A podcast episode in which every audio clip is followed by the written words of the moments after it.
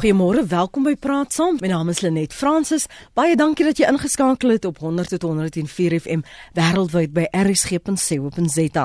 In Desember verlede jaar het afgevaardigdes by die jaarlikste VN Klimaatberaad in Frankryk ooreenkoms probeer bereik oor hoe om globale verwarming te beperk, maar dit was onsuksesvol. Die verskille by die beraad gaan hoofsaaklik oor die aanvaarbare vlak van die beperking van uitlaatgasse vir sowel ontwikkel ontwikkelde en ontwikkelende lande en die hulp wat ook beskikbaar is aan arm lande om na skoner energie oor te slaan. So as daar op daardie vlak so 'n gesukkel was, wat kan plaaslike munisipaliteite doen om omgewingsake aan te spreek. Vanoggend gesels ons met professor Anel Du Plessis. Sy spesialiseer in omgewing en plaaslike owerheidsreg by die Noordwes Universiteit se Potch kampus. Môre professor? Goeiemôre Lenet. Dankie vir jou tyd en ook met Louise Skols. Sy's projekbestuurder by die WWF. Môre Louise. Goeiemôre almal. Louise, kom gee net vir ons 'n oorsig van wat dan nou die probleme was, waarom daar nie tentatief almal aan boord was met hierdie ooreenkoms nie en dat hoewel hulle dit in beginsel ondersteun het, is daar nog die laaste paar jaar nie veel moeite gedoen om daarbey te hou nie met al die ander uh, ooreenkomste ook? Ag nee, net ek dink dit is altyd 'n probleem as jy eenparigheid moet hê om 'n besluit deur te druk want almal sit met hulle eie belange wat hulle wil beskerm. En die die groot knelpunt is maar tussen Amerika en China waar China uh, volhou dat hy nog steeds 'n ontwikkelde land is terwyl uh, die res van die wêreld tot 'n groot mate voel dat China tot so 'n mate ontwikkel het dat hy nie meer kan beroep op op daardie status nie. So dis een van die groot knelpunte hoe ontwikkelde en ontwikkelde ontwikkelde en ontwikkelende lande moet hanteer word. En dan natuurlik waar die geld moet vandaan kom wat moet gaan na ontwikkelende lande om hulle te help om ehm um, op te vang ekonomies sonder om hulle voetspoor te vergroot. En dit dit is maar geopolitiek wat uitspeel op op op uh, op, daardie uh, multilaterale vlak. As daar nou in soos in die verlede ook al die vele ooreenkomste gesien het Annel in hierdie een uh, verlede jaar wat as histories en ambisieus bestempel is, het 195 lande hulle verbind. Maar indien jy dit nie nakom nie of jy is een van die groot oortreders, watter regsverpligting is ingebou dat daar half boetes is wat jy moet betaal of of ander goed dat jy moet betaal vir dit wat jy gesê het jy gaan doen maar jy nie daarbey uitgehou uh, uitgekom nie. Nou net ons uitdaging met internasionale reg um oor die breë spektrum is die toepassing en die afdwinging. Dit is maar altyd 'n groot uitdaging omdat lande soewereiniteit um bepleit Um boetes op hierdie stadium na my beste wete, Louise mag dalk beter weet, um is nog nie ingestel nie, maar ons sit met 'n uh, internasionale beeld wat ter sprake kom en ons sit ook met handelsaktiwiteite en toenemend bestaan die vereiste wanneer jy byvoorbeeld in internasionale handel betrokke is om te kan wys dat jy jou bes doen om by jou verpligtinge uit te kom in terme van die Kyoto Protocol um, ook ander um, verpligtinge. En toenemend word dit al hoe minder maklik vir ontwikkelende lande om te sê maar ons sukkel finansiëel want daar is hulp beskikbaar. En um, daar is toenemend ook nuwe tegnologie tot ons beskikking. Sodat ek dink um, al is daar nie 'n boete nie is daar ander um, druk wat op ontwikkelende lande in in die wêreld geplaas word. Alle lande van die wêreld om wel um, so goed as moontlik te probeer uitkom by die doelwitte wat internasionaal gestel is vir die afding van um, CO2 vlakke. Louis, wanneer hierdie ooreenkomste gesluit word, dis altyd op hierdie internasionale vlakke, selfs nasionale vlak waar 'n land hom verbind om sekere oor uitkomste te, te te bereik. Hoe word dit afgewentel dat 'n plaaslike munisipaliteit byvoorbeeld ook kan inkoop in daardie prioriteite of die doelwitte vir omgewingsake byvoorbeeld? Ehm um, dit is 'n vraag. Wie moet dit gaan aan? Goed, as wie wie Louise, kom ons begin by jou en dan en dan gee ek jou kans.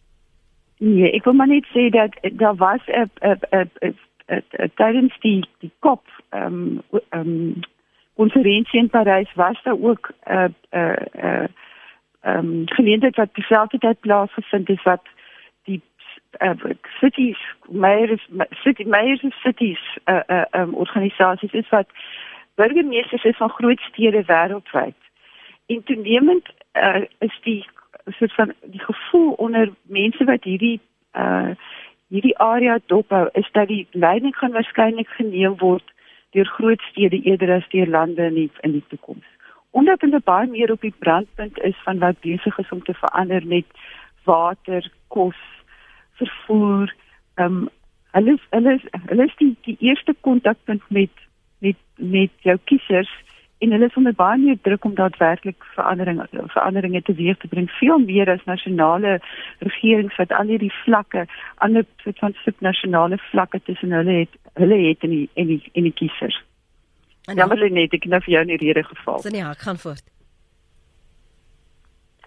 Uh, ek kan net aan Louise aansluit. Ek sien dat daar is eintlik twee maniere waarop um, munisipaliteite op die laagste vlak moontlik 'n um, groot bydrae en toenemend so lewer. Die eerste is dan nou hulle betrokkeheid by hierdie internasionale organisasies. Daar's ook die C40 netwerk waaraan um, munisipaliteite van reg oor die wêreld behoort of kan behoort. Um, maar daar is 'n sekere groot munisipaliteit wat kwalifiseer, so dit is saaklik maar ons stede die New Yorks en die Johannesburg en die Durban en die Tokyos van die wêreld. Maar dan is daar ook 'n organisasie met die naam um the International Council for Local Environmental Initiatives, waar aan baie van Suid-Afrika se munisipaliteite ook um behoort en hulle het 'n stem by die COPs. Um, hulle het definitief geleentheid om ook 'n um, bydrae te lewer aan te dui hoe hulle reken hulle 'n verskil sou kon help maak. En ook sien ons dat hulle hulle eie ondernemings onderling sluit juis omdat ons so sit met die uitdaging van staatshoofde wat nie tot 'n uh, ooreenkoms kan kom nie en wat die stede bloot argumenteer ons sien die werklike impak van klimaatsverandering op plaaslike vlak ons sien hoe watergrense styg ons sien hoe stormweer toenemend um, veranderings teweegbring ons sien hoe ons ruimtelike beplanning anders moet aanpak.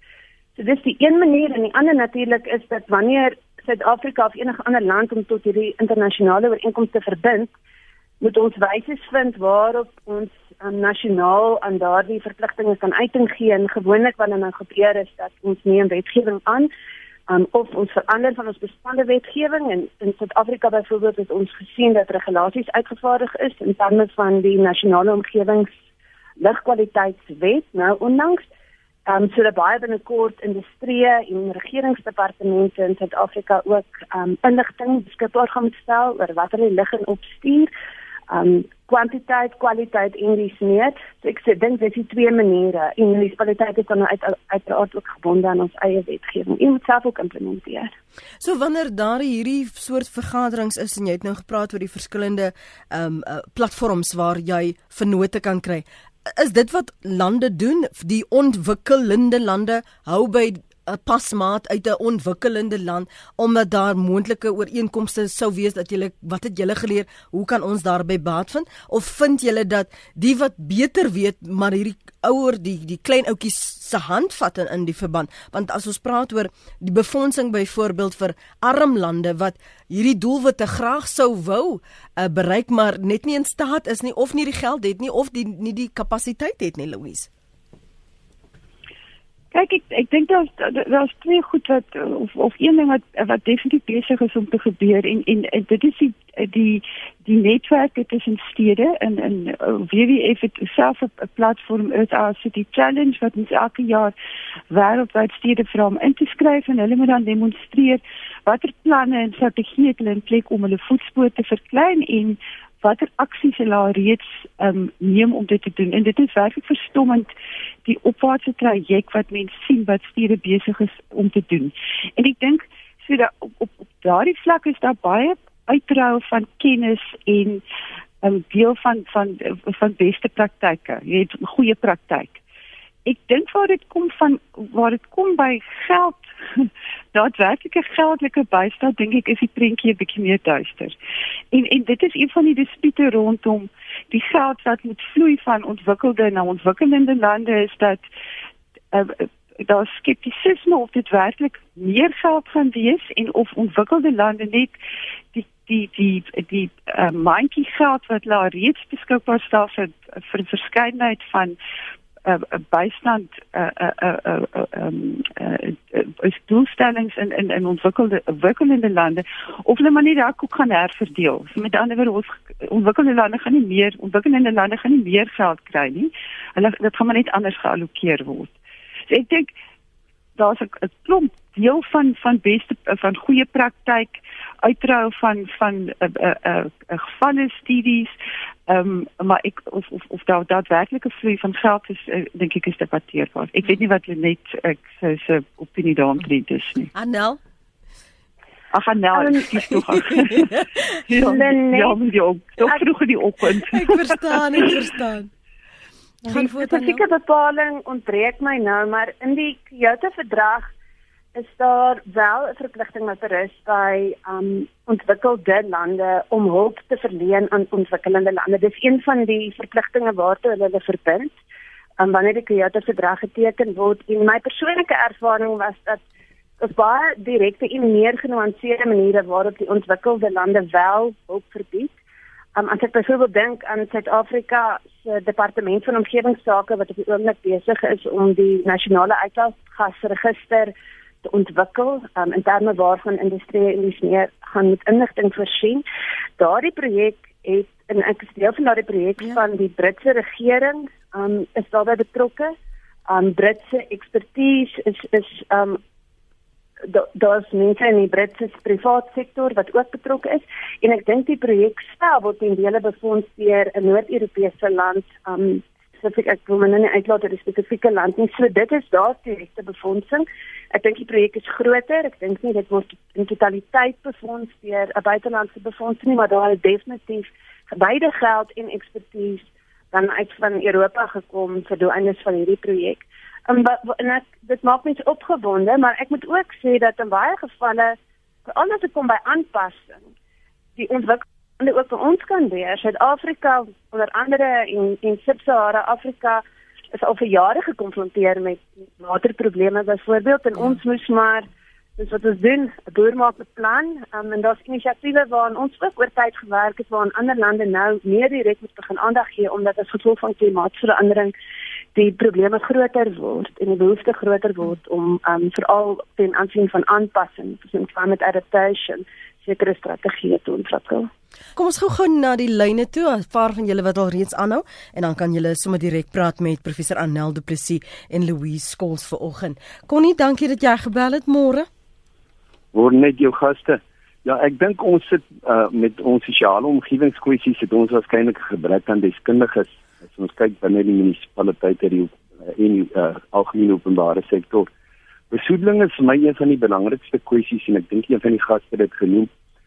Ons sit met besoedeling van ons aarde, die lug, die land, die grond en dit is alles waterkwessies wat ons ernstig ernstig raak. Dan 'n ander kwessie is ek dink in talle lae koste behuisings en ontwikkelings is 'n algemene verskynsel die afhanklikheid van die natuurlike omgewing en die oorbenutting van natuurbronne.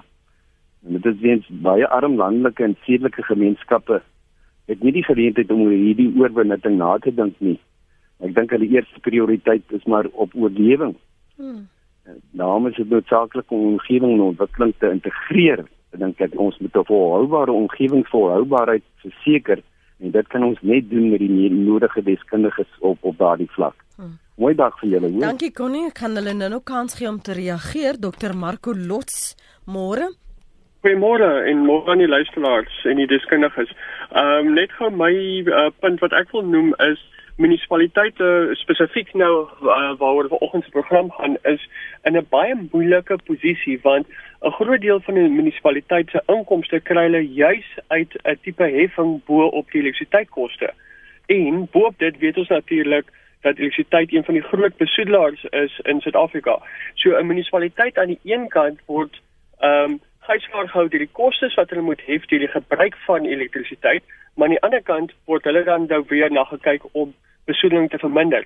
So uh, ek dink ons moet daarom ook net in gedagte hou hoe moeilik is dit vir munisipaliteite en as ons wil hê dat ons minder elektrisiteit steenkool gebaseerde elektrisiteit veral dan moet gebruik, dan sal ons moet herbesin waar gaan die kostes of waar gaan 'n munisipaliteit se inkomste dan vandaan kry? Moet ons meer betaal vir iets anders en dit is natuurlik 'n wrede ding om te sê in hierdie ekonomiese omstandighede, ehm um, sodat die munisipaliteite dan minder afhanklik is van die koop en verkoop van elektrisiteit.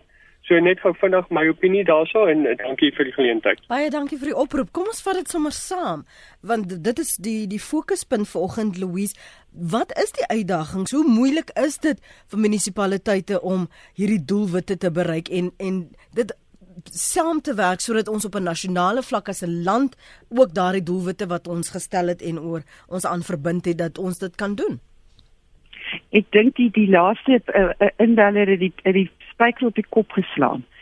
Want ons sit met ons munisipaliteite, sit met die probleem is dat hulle koop elektrisiteit van Eskom wat die meerendeels die elektrisiteit opwek deur steenkool te brand. Wat natuurlik die grootste bydraes tot ons uh, baie hoë uh, voetspoor wêreldwyd. Um, en dit bitter min geleenthede om alternatiewe energie te gebruik. Hulle kan bietjie koop van mense wat hulle eie sonpanele op hulle dak sit, maar vir vir die munisipaliteit om direk van een van die groot onafhanklike hernubare energievervaardigers te koop is nie moontlik op hierdie stadium nie.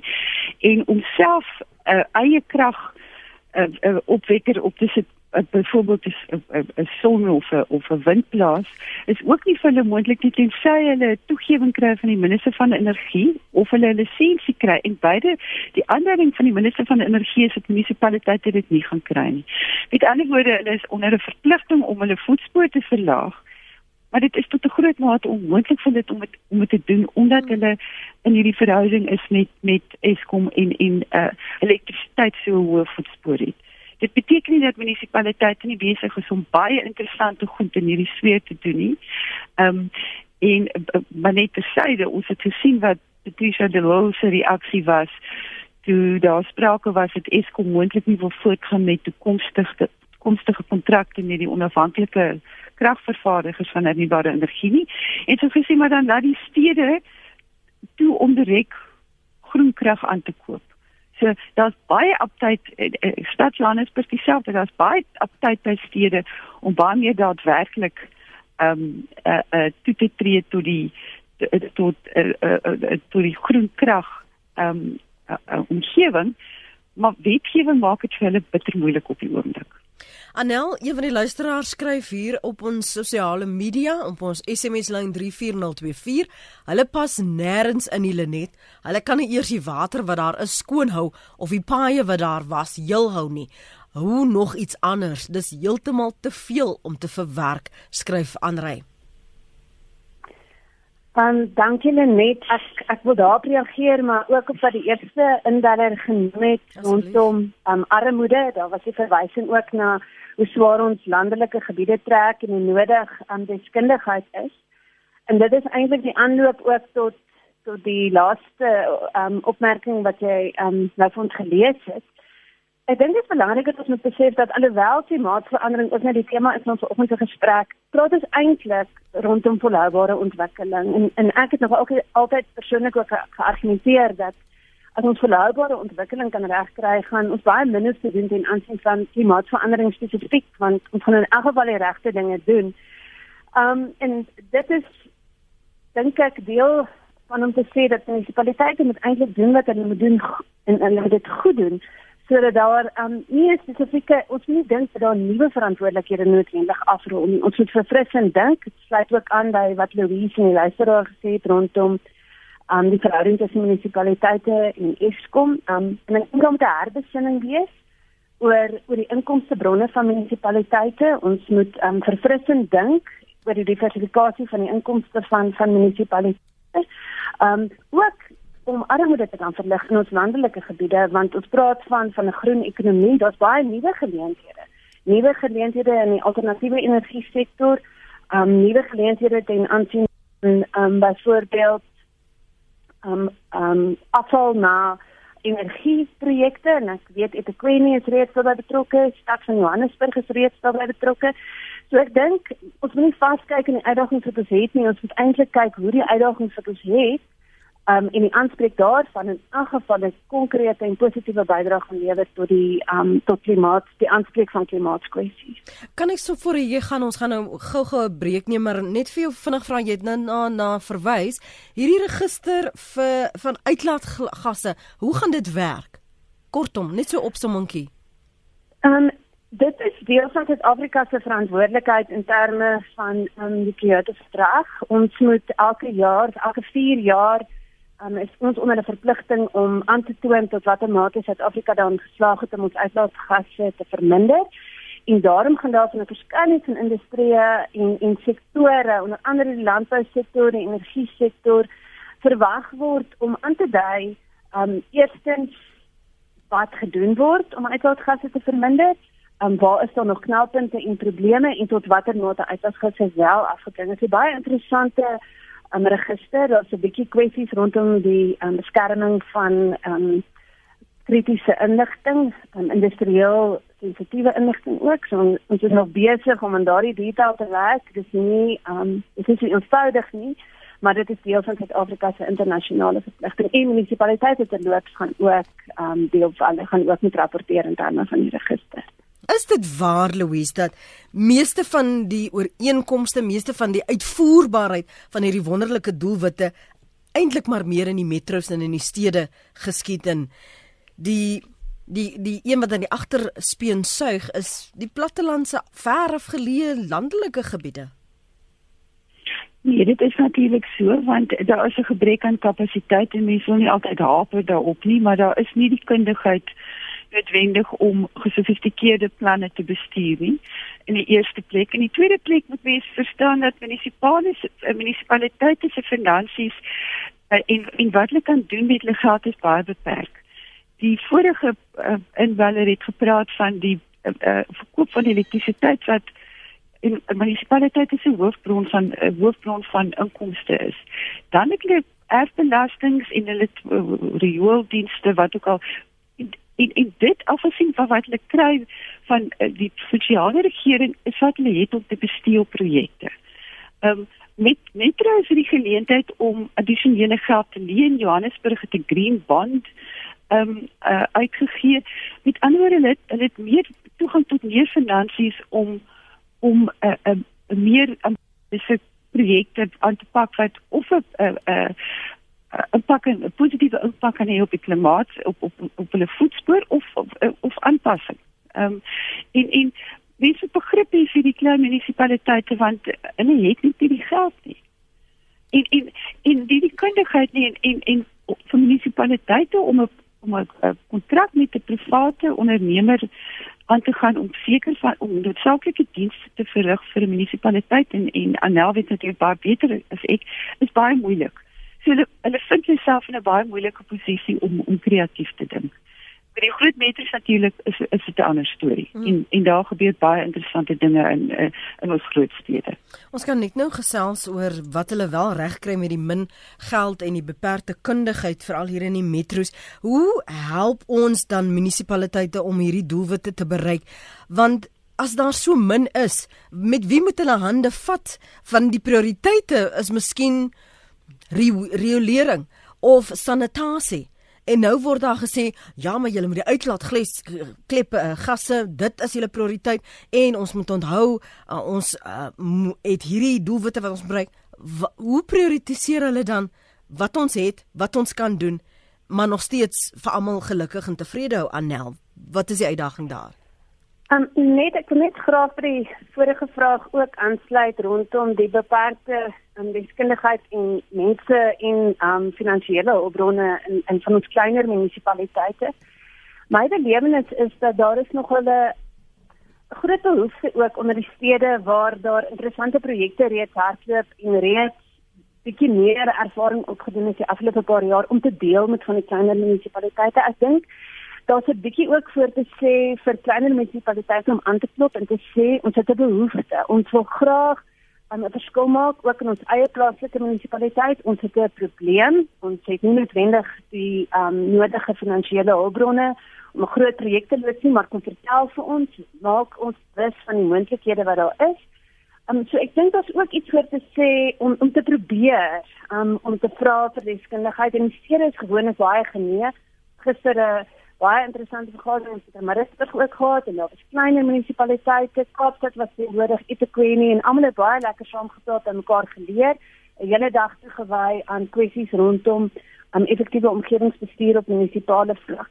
So ek dink um, ons moet dit ook in gedagte hou en dan die tweede ding rondom hoe mense en en inwoners van munisipale gebiede 'n bydrae kan lewer gaan vir my eers net oor gedragsverandering. Ons moet ook besef dat by elke klein besigheid in 'n enige dorp, um, en ook in ons gesinne of huishoudings is daar doodeur verandering van gedrag.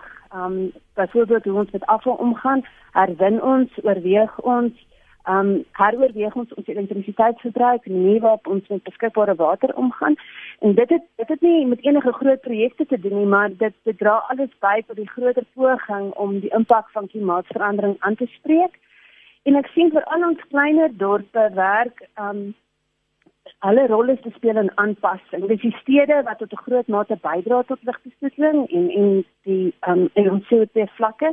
Landelike gebiede sit meer met die gevolge en en daar is goeie strategiese en ook ruimtelike munisipale beplanning krities. Ehm um, ja, ek dink ehm um, dink ek ek sal dit eers net daar laat. Okay, goed. Ons kan nou opvolg Johan is op die lyn en hy's in dink ek in Johannesburg ja, Johan, as jy hier. Dis dis reg maar. Goed, praat gerus ja. asseblief. Dit net ek gevind ek dink wat die wêreld nou nodig het om hierdie probleem aan te spreek is 'n uh, vorm van energie wat skoon energie lewer, konstant, koste-effektief uh die probleem is jy sit op weer eens kom verbeerende belange. Uh want as jy wil kyk die energiebron wat dit is, konstant skoon son met met met omtrent emissies koste-effektief dan is kernkrag. En dis nie wat die meeste drukgroepe ironies genoeg wil hoor nie. So, ek dink mense moet 'n balans handhaaf, maar tot die wêreld nou, tot mense nou 'n mindset gemaak het en sê bring dit in, hier is 'n oplossing gaan ons maar aankarring want die ander belangegroepe, die belangegroepe vir die skoon energie, die alternatiewe groepe, dis alles goed en wel. Op hierdie stadium met tegnologie is dit nie haalbaar om 100% daai krag te lewer nie. En om een of ander rede skop die groenes en kernkrag ten alle koste. Selfs in Europa, as jy kyk 'n land soos Frankryk, wat ek dink 78% van energie van kernkrag kry, wat doen 'n land soos Duitsland as hy die son skyn nie altyd nie, die wind waai nie altyd nie. Wat doen 'n land soos Duitsland as energie nodig het? Hy koop dit by Frankryk. So die wêreld moet sy prioriteite reg kry en nie ideologie aanhang ter wille van drukgroepe nie. Dankie. Uh, uh, praat ons soms sê plaas ons te veel klem op die ideologie en nie die uitvoerbaarheid van die wonderlike ideologie wat ons aanhang en wat ons wil bereik nie. Louise, is dit waar ons dalk soms verstrengel raak? Nee, dit is prakties wees oor wat jy kan wat jy kan doen met hernubare energie. Ehm um, en jy gaan waarskynlik altyd 'n 'n 'n 'n aanvullende bron wil hê wat jy kan aanskakel en afskakel soos met met nuwe kool uh, steenkool uh, uh, kragsentrale is nie die oues wat ons huidigelik mee sit nie met gasturbines en natuurlik ehm um, uh, kernkrag is ook 'n opsie.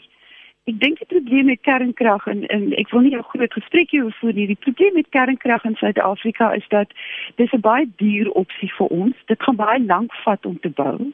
Daar's nie 'n oop gesprek oor hoekom ons dit werklik wil hê nie. Dis nie 'n deursigtige proses nie. En waarskynlik is daar ander opsies wat vir ons dieselfde tipe ehm um, uh, baseload, ek weet nie wat dit in Afrikaans gaan gee nie, sonder die om om ons land te verbind aan 'n aan 'n langtermyn verpligting wat vir ons belang lank duur waarskynlik baie geld gaan kos.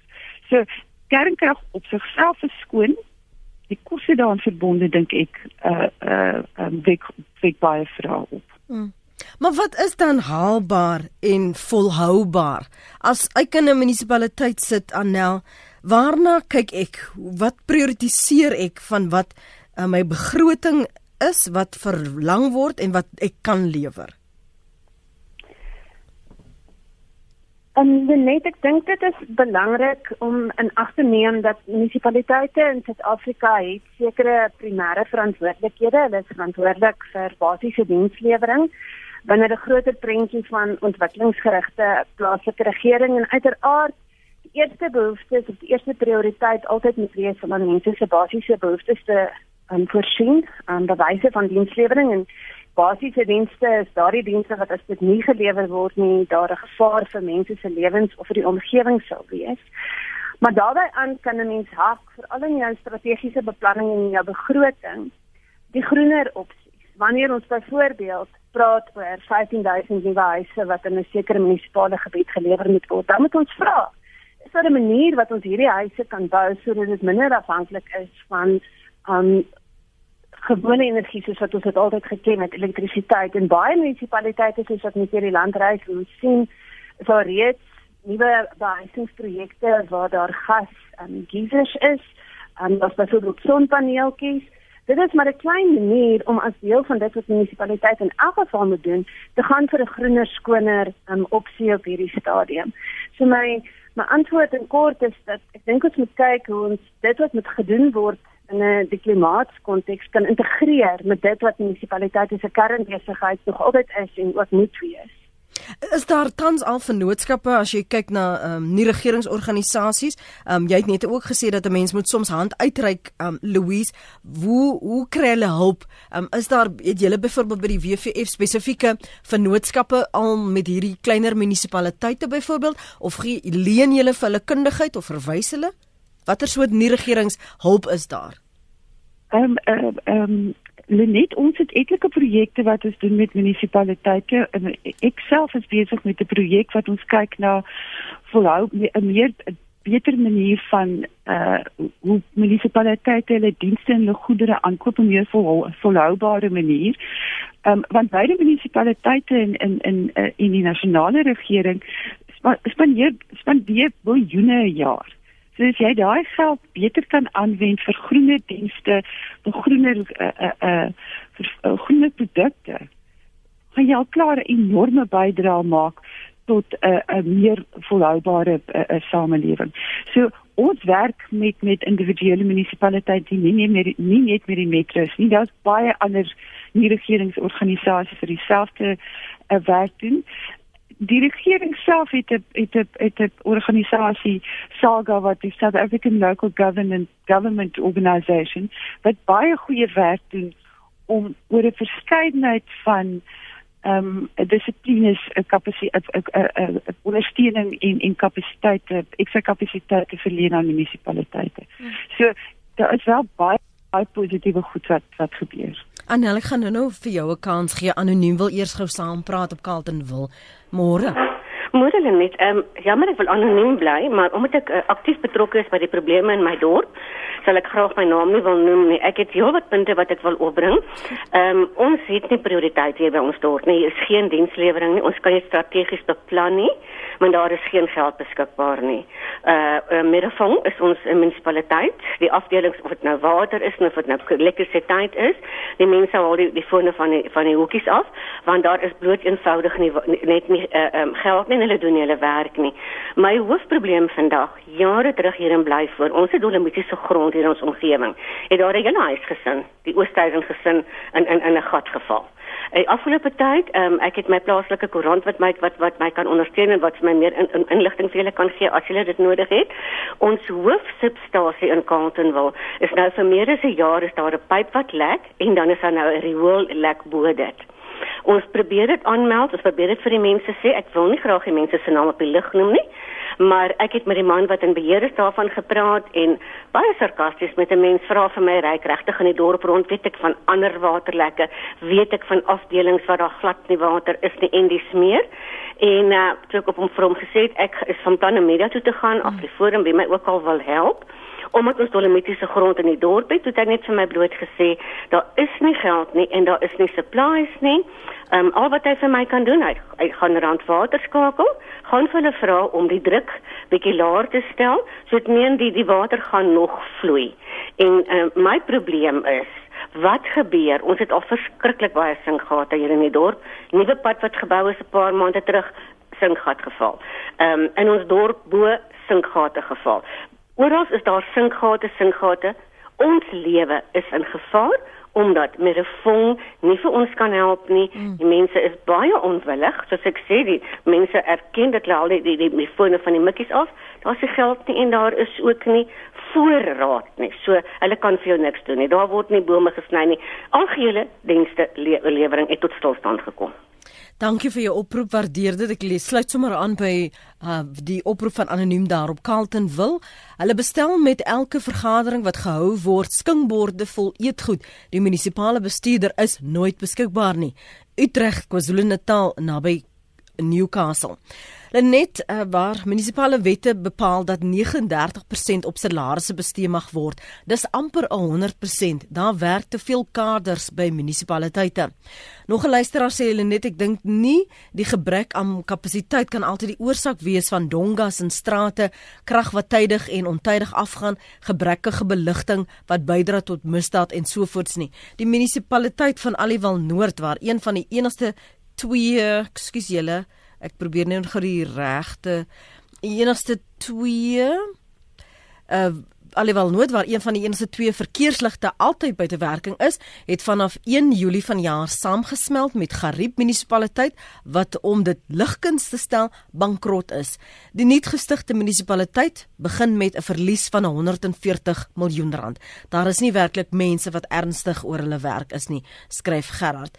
En dan sê nog 'n een, hoe effektief is die sogenaamde raamwerk wetgewing om gehoor te gee aan die grondwetlike reg tot volhoubare ontwikkeling? Ingevolge artikel 24 van die grondwet. So dis 'n mondvol Annel uh, wat ek nou vir jou deurplas. nee, ek ek is eintlik baie bly oor die geleentheid want ek gee my die geleentheid om 'n punt te maak wat ek dink nogal belangrik is en daardie eindste artikel 24 in ons grondwet wat sê dat elkeen in Suid-Afrika die reg op 'n omgewing wat veilig is vir ons gesondheid en vir menslike welstand is die verantwoordelikheid van die totale regering. En ek dink dit is iets wat ons soms onderbekend toon. En waar dat dan falings is en en die situasie in alle van Noord van Kaapstad wil nie geïsoleerd nie. Ek dink ons almal weet dat dit is die realiteit in geweldig baie kleiner munisipaliteite reg oor die land. Dit is 'n situasie wat nie veronderstel is om net die munisipaliteite se probleem te wees nie. As ons op daardie punt kom waar daar totale ehm um, totale inval is so te sê van um hoe dinge vir ons stad om te gebeur, dan moet daar provinsiale ingryping wees. En ek besef ook dat soms trek provinsiale regerings ook baie swaar en dan moet die nasionale regering intree. En dit is juis ook een van die dinge wat bepaal word in daardie raamwerk wetgewing waarna verwys word. As munisipaliteite nie in staat is of 'n munisipaliteit of en kan nie of nie dienste wil lewer nie dan moet 'n provinsie sê maar ons tree in want ons het ook 'n verantwoordelikheid om die omgewing en die welstand van mense te beskerm. Voordat ek jou groet ons tyd haal ons in. Jy het gepraat uh, net nou uh, Louise het gesê daar is stede waar dit wonderlike projekte is wat werk met uh, minkundigheid ook soms.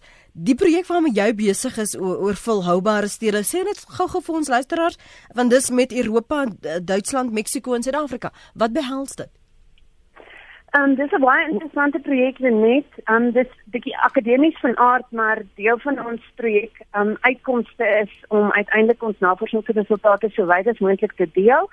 Dis 'n cities projek um gesluit tussen ons universiteit en Humboldt Universiteit in Berlyn waar ons 'n bietjie kyk na wat op die oomblik gebeur in ontwikkelende stede, lande, stede in ontwikkelende lande en in ontwikkelde lande ten aansien van skoon sowel as 'n veilige omgewing wat projekte stede loods, wat ons vir mekaar kan leer en ook ons mekaar begin sê dat 'n veilige omgewing gaan nie net oor gesondheidsveiligheid nie, maar ook oor misdaadbekamping en hoe ons uiteindelik mekaar lesse kan leer om omgewings te skep op 'n plaaslike van vlak um waar dit lekker is om te woon, waar dit lekker is om te werk en waar ons veilig voel oor ons kinders in die strate en parkies en dis meer 'n 3 jaar lange projek. Hy skop nou af aan 14 Augustus. Hoe kan Potchefstroom? En so ek sien dan nou uit om uiteindelik ook meer resultate te kan deel. En die laaste woord is joune Louise, waaroor wil jy spog veral as jy sê daar's in sekere stede waar die munisipaliteite nogal woeker? Ek dink net die metros waarmee ons werk, dit is vir my duidelik dat hulle besef hulle het 'n wesenlike rol om te om te speel veral rondom uh elektrisiteit en om, om te kyk na ander modelle van elektrisiteitslewering juis omdat hierdie hierdie hierdie uh dreigende of die die die die dreigende storm in die gesig staar van verlies aan inkomste omdat meer en meer mense hulle eie sonpanele opsit en dan die die projek wat ek doen rondom aankope het werklik die potensiaal om 'n ongelooflike verskil te maak. Dit is ongeag al die oulike goed wat die stede self doen. Ek het gister gehoor van stad Johannesburg wat 'n projek doen in Tembisa wat hulle 'n klein microgrid gaan opsit, ses huise ver, verbind met mekaar, batterye, gas in die huise. Dit is fantasties. En dit is 'n projek wat werklik jou armste mense in die in die metropool gaan ehm um, uh gaan bevoordeel.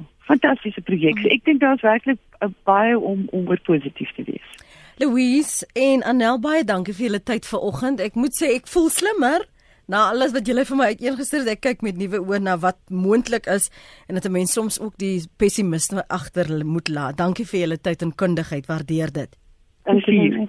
Dit dit was professor Anel Du Plessis, sy spesialiseer in omgewing en plaaslike owerheidsreg by Noordwes Universiteit se Potch kampus en vanaf die WWF se kamp projekbestuurder Louise Skols.